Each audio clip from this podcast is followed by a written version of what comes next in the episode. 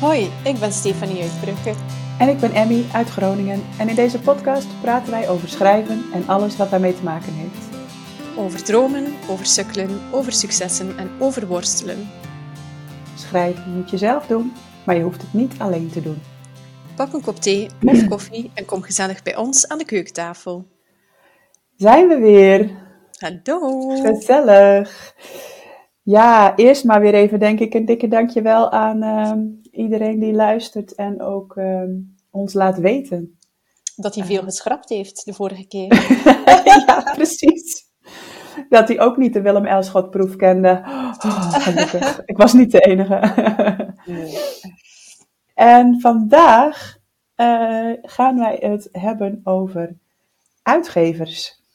En uh, daar kun je natuurlijk heel veel over zeggen, maar ik dacht, uh, Stefanie, toen jij begon met schrijven, mhm. wist jij toen al of jij je boek in de winkel wilde hebben, zeg maar? Wist je toen al van, nou, dit is iets wat, ook, wat ik uit wil laten geven of uit wil geven?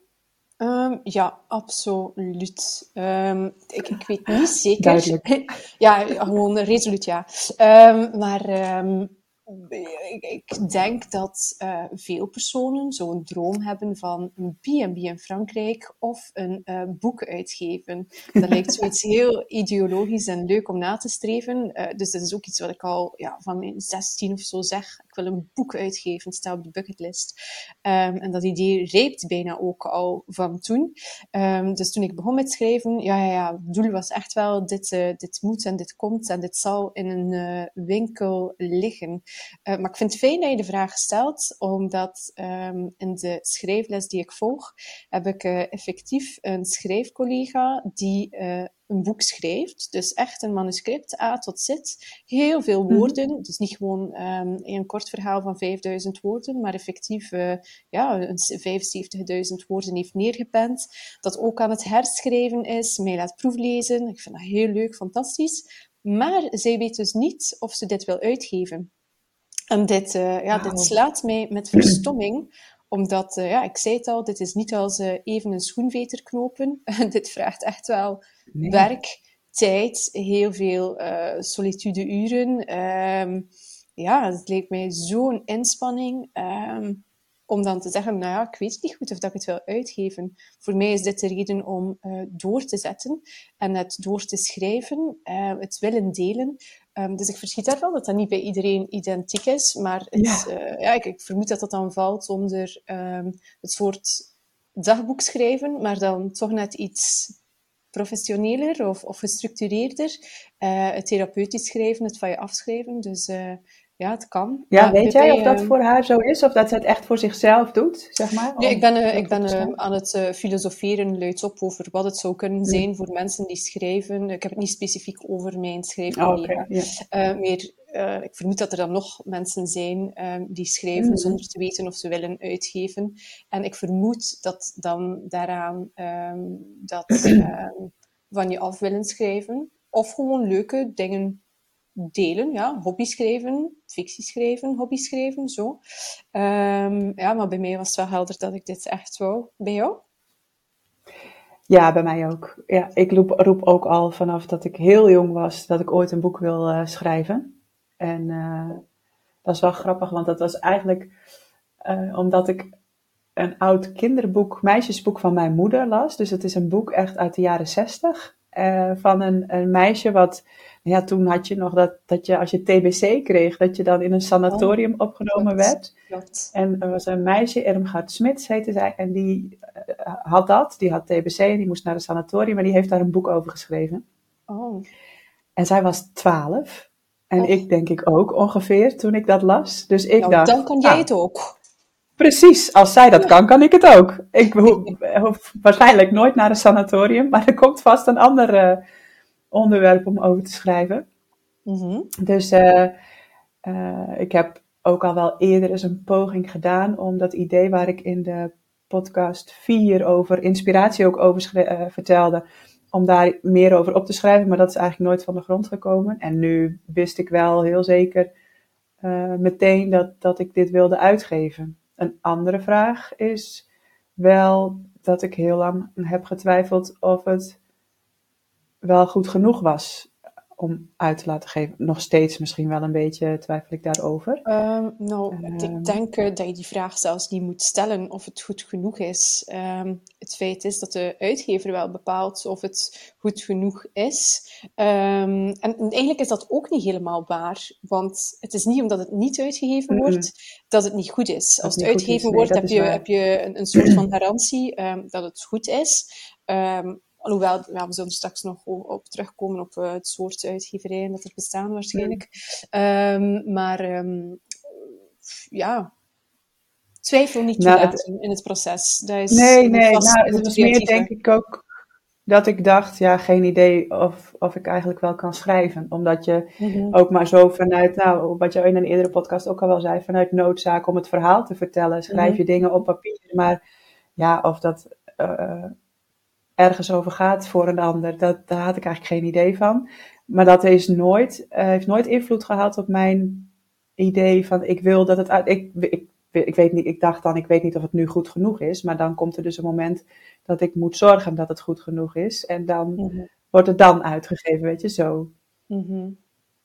En Heb jij. ehm, Oh, Nee, doe maar. heb jij ook wel eens. Nou ja, er wordt heel vaak gezegd hè, van eh, ja, leuk een boek schrijven, maar eh, de kans dat je een uitgever vindt is heel klein. Zeker voor onbekende eh, mensen die hun eerste boek schrijven.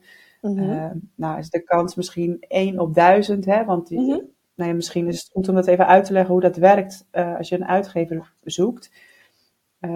De- wat je dan moet doen is ehm, een synopsis schrijven. En dat is eigenlijk een samenvatting van je boek, inclusief hoe het afloopt. En Mhm. ehm, dat stuur je op naar een, eh, naar een uitgever samen met je manuscript of een deel van je manuscript en een begeleidende brief.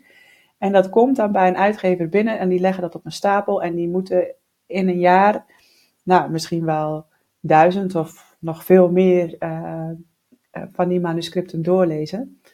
Ehm, en wat er dan gezegd wordt, is dat er dan hooguit één uit zo'n slushpile, zo noem je die stapel, wordt gehaald die uitgegeven wordt. Dus dat zou betekenen dat je per uitgever zeg maar een kans van 1 op 1000 hebt om uitgegeven te worden. Mhm. En ik weet nog dat ik dat heel veel mensen in de schrijfgroep waar ik toen in zat ook zeiden: Ja, weet je, ik denk dat ik het maar gewoon zelf ga uitgeven. Daar komen we straks inderdaad nog wel even op, want Mhm. dat kan ook. Want ja, ehm, die kans is wel heel klein. En ik dacht, weet ik nog, oh nou mooi, dan ben ik toch die ene van die duizend. Mhm.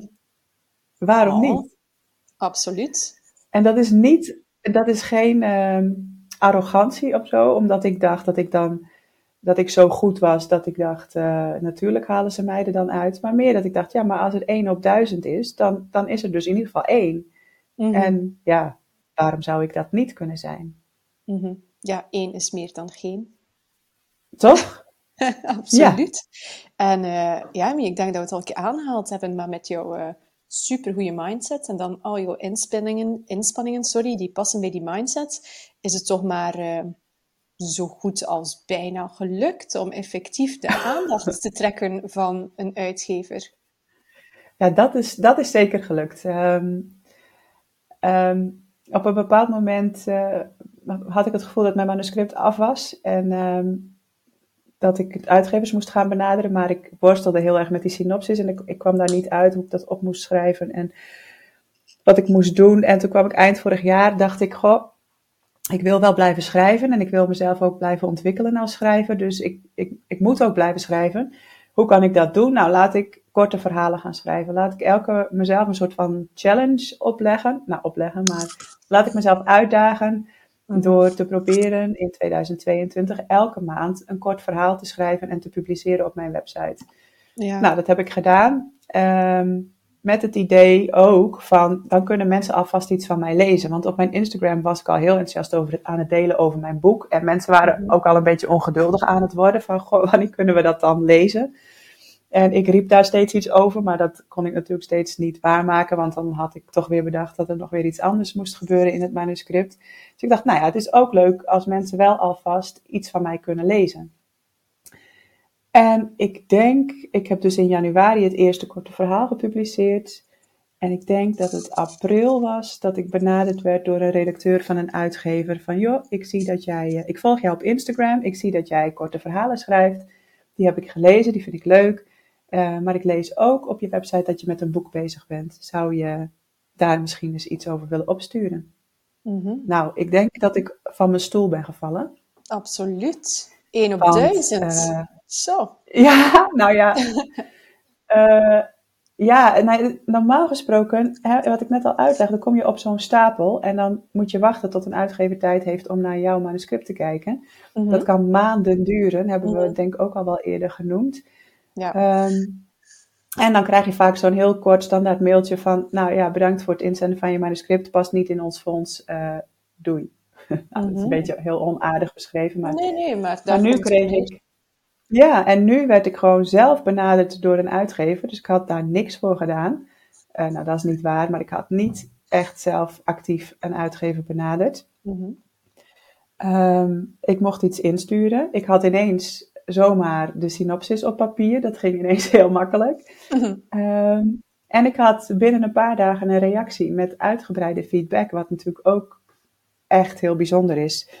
Hè? En eh, de reactie was dat, ehm, eh, dat het nog geen match was op dit moment. Hè? Dat ze een aantal dingen in mijn manuscript, dat ze het idee heel leuk vonden en het idee van drie boeken. ehm, wat ik had, wat ik ook beschreven had, vonden ze leuk. Maar eh, nou ja, er moesten nog wel wat dingen dan veranderen. Mhm. Eh, en daar gaven ze ook heel uitgebreid aan wat dan en eh, ja, wat hun idee daarover was. En de kans om na herschrijven nog een keer op te sturen. Ja. Dus ja, dat is super. Echt. ik ja, moedig je aan van aan de zijlijn en ben heel benieuwd naar het vervolg van dit verhaal. Eh, ik denk samen Oh, met iedereen ook. die meeluistert, eh, dat ik heel benieuwd ben om te ontdekken eh, hoe de feedback zal zijn als je jouw herschreven versie hebt doorgestuurd. En ik wil daar bijna een, een overkoepelend sausje over gieten, wat je zei over die 1 op 1000. Ehm, ik heb toevallig onlangs een eh, podcast ook geluisterd. Eh, en daar was eh, Willem van Sebes en Bisseling uitgenodigd. Dat is het grootste literair agentschap in Nederland, dacht ik. Ehm, En die zei ook dat zij tussen de 1000 1200 manuscripten ontvangen per jaar. En misschien Ja. met 1 à 2 doorgaan. En ehm, dat die 1 à 2 dan vaak ook nog niet op de slushpaal of via ehm, het, eh, de e-mail in de inbox terechtkomen, maar vaak ook via via. Ehm, dus dat netwerken Ja. daar ook wel een belangrijk element in speelt. Dat was iets waar dat ik mezelf niet zo gigantisch bewust van was. Ehm, dus naast mindset, inspanning, eh, netwerken bleek dan toch ook wel belangrijk. Ja, ja, om eh, ja, die, die aandacht te trekken of Ja. eh, ja, waarde te geven aan eh, hetgeen wat jij doet. Ehm, ja. ja. Klopt. En dat, dat is een beetje, want jij zit nu eh, midden in dat uitgeversproces, hè? Ja, klopt. Ehm, hmm, ja, dat was best nog een huzarenwerkje eigenlijk. Ehm, omdat, ja, opnieuw, als je begint, heb je geen kennis. je vergaart kennis. Eh, dus vorig jaar dacht ik, oh, als het af is, ja, dan stuur ik het naar alle uitgeverijen eh, in Nederland en in België. Ehm, ik dacht aan Nederlandse uitgeverijen, omdat ik dacht, oh ja, in Nederland zijn ze met meer. Dus meer leesbereik, dacht ik. dus dat, dat was hoe ik dacht. Ehm, ehm, en dan gaandeweg het proces leer je meer over hoe die wereld in elkaar zit. En leer je dat er toch ook heel veel verschillen zijn tussen uitgeverijen. Ehm, ten eerste, ik weet dat je het eh, bijna niet hoort aan mijn accent, maar ik ben Belgische. en, eh, Oh. Blijkbaar is er een verschil tussen eh, Zuid-Nederlands en Noord-Nederlands. Zuid-Nederlands is dan eh, Vlaams, wat wij in België spreken, en Zuid-Nederlands ook. En Noord-Nederlands is dan blijkbaar, ehm, ja, eh, als ik het goed heb, Friesland, Groningen en Drenthe. En blijkbaar is daar toch een groot verschil in eh, taal, ondanks dat beiden algemeen Nederlands is. Ehm, ja, ik was me daar niet van bewust. Waar wij uh, zetel zeggen, zeggen jullie bank. Oké, ik weet dat natuurlijk wel, maar ik weet niet dat dat in de literatuur um, struikelblokken zijn. Ik denk dat wij uh, koffer zeggen tegen een valies, of valies tegen koffer. En dat het dan ook de koffer van de auto is. Ik weet dat er daar ook een verschil op zit. Ah, ja. Um, ja, ik zeg stilo. Volgens mij zeggen jullie ook geen stilo tegen een balpen. Um, dus dat die invloed heel anders is. Dus wat ik gedaan heb um, toen het manuscript af was, wou het eerste keer naar een literair agent sturen. Heb ik ook gedaan. Een uh, Nederlandstalige. En ik heb daar antwoord van gehad. Wat eigenlijk overwegend positief was. In die zin dat hij aangaf dat het um, goed geschreven was. En dat ik daarmee een grote voorsprong heb op uh, ja. Ja, vele anderen. En tussen haakjes zette hij echt heel goed. En toen was ik ja, super blij. Oh, want ja. ja. ze geven niet zomaar complimenten. Daar smijten ze hun eigen ruiten mee. En op lange termijn mochten ze dat um, doen zonder dat het waarde heeft. Maar hij zei dat mijn schrijfstijl echt wel Vlaams was. Um, en daar, ja, dat is een, een bewustwordingsproces. Want ik weet, um, ja, jij hebt het gelezen en er was nog iemand, ook iemand, een Nederlandse, die het gelezen had. Die zei ook, het is Vlaams. Nu, voor mij als Vlaamse valt dat niet op. En dat heeft niets met dialect of zo te maken, maar dus inderdaad met woordgebruik um, of, ja. of uh, zinsbouw, die toch iets wat anders is. Dus die man raadde mij aan om, uh, hij had drie uitgeverijen uh, aangeraden, um, om die te contacteren, Vlaamse uitgeefhuizen. Dus dat heb ik ook gedaan.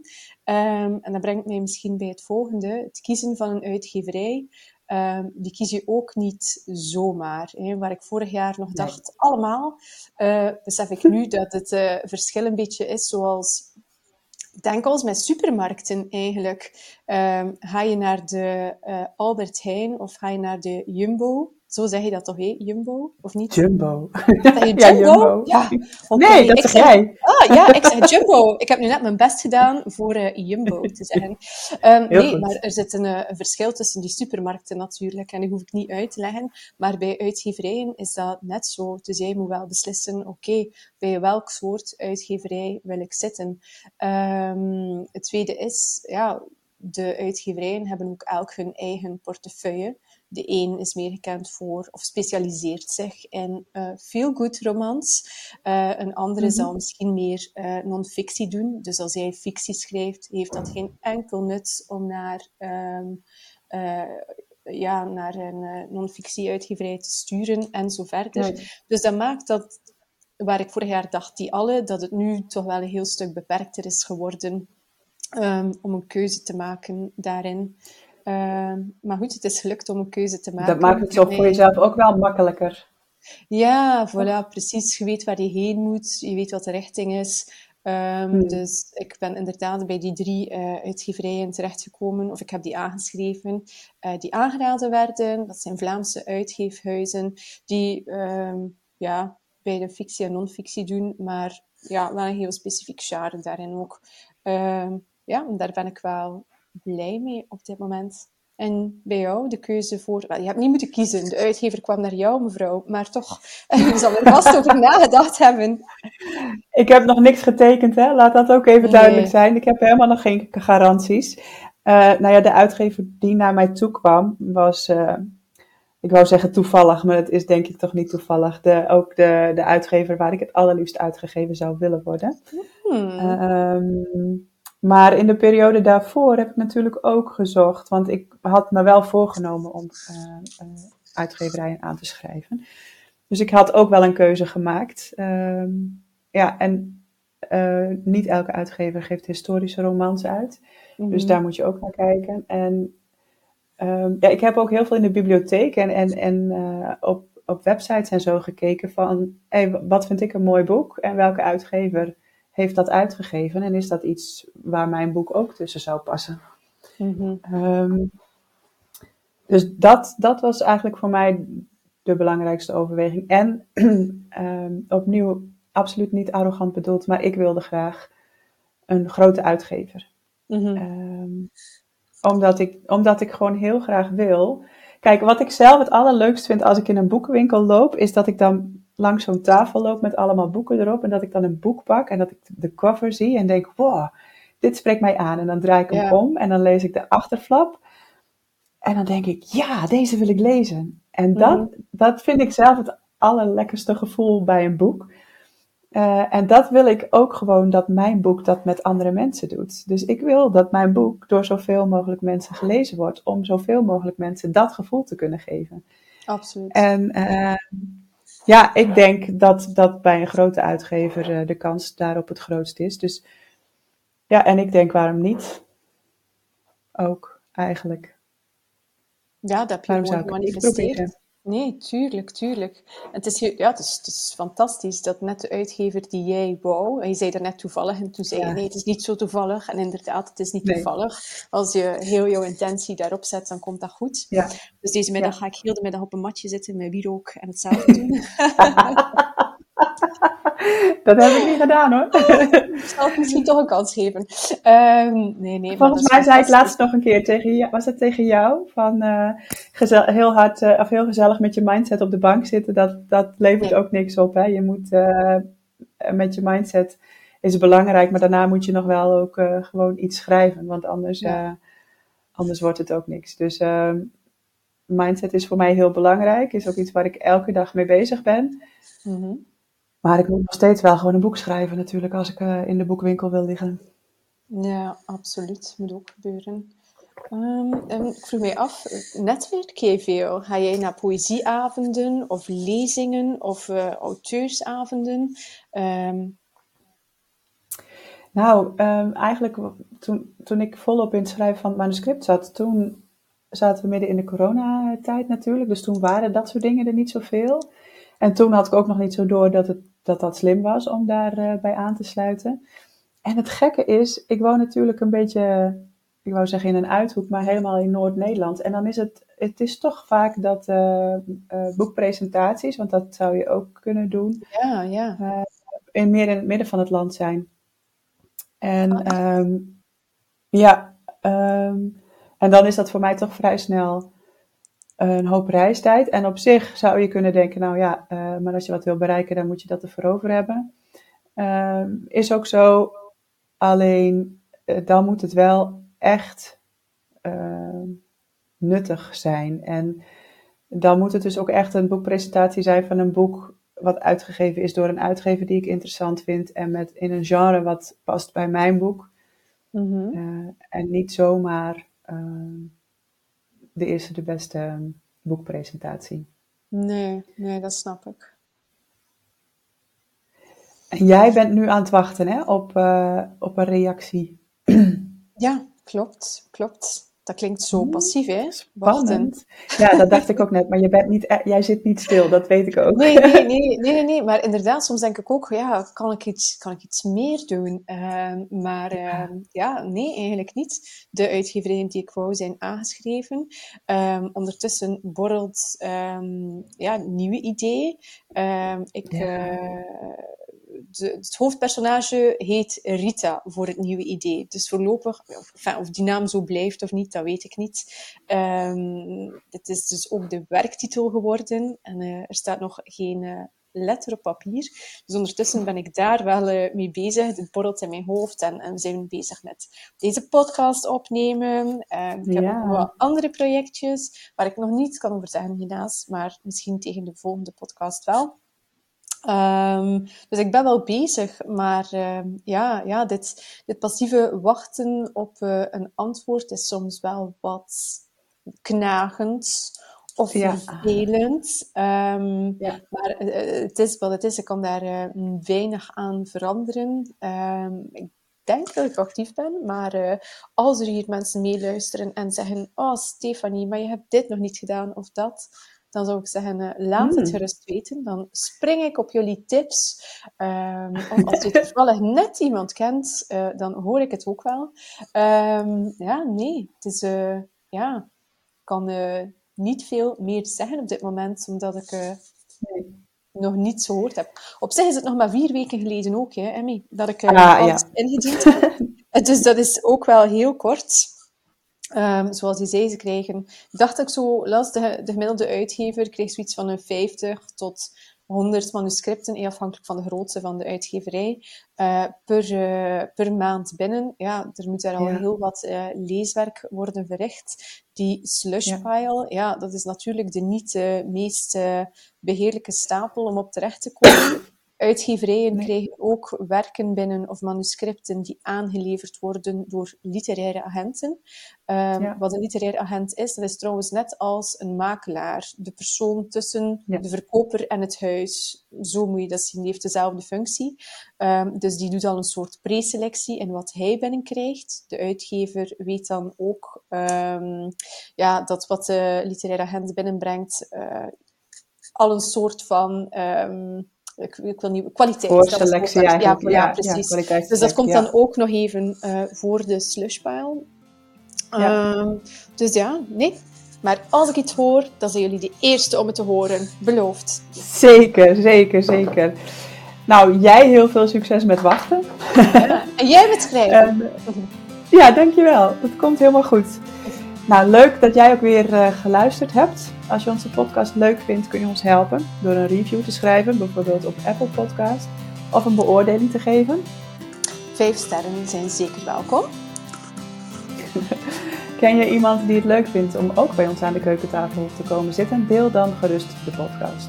Zo help je ons ook, want dan komen we hoger in de ranking en kunnen meer mensen ons vinden. Heb je vragen of is er een onderwerp waar jij onze mening of ervaring over wil horen? Laat het dan gerust weten. Je kan ons bereiken via Instagram at stefaniekroes underscore insta en at Emmy de Vries. Dat was hem weer. Tot de volgende keer. Tot de volgende. Doei. Doei.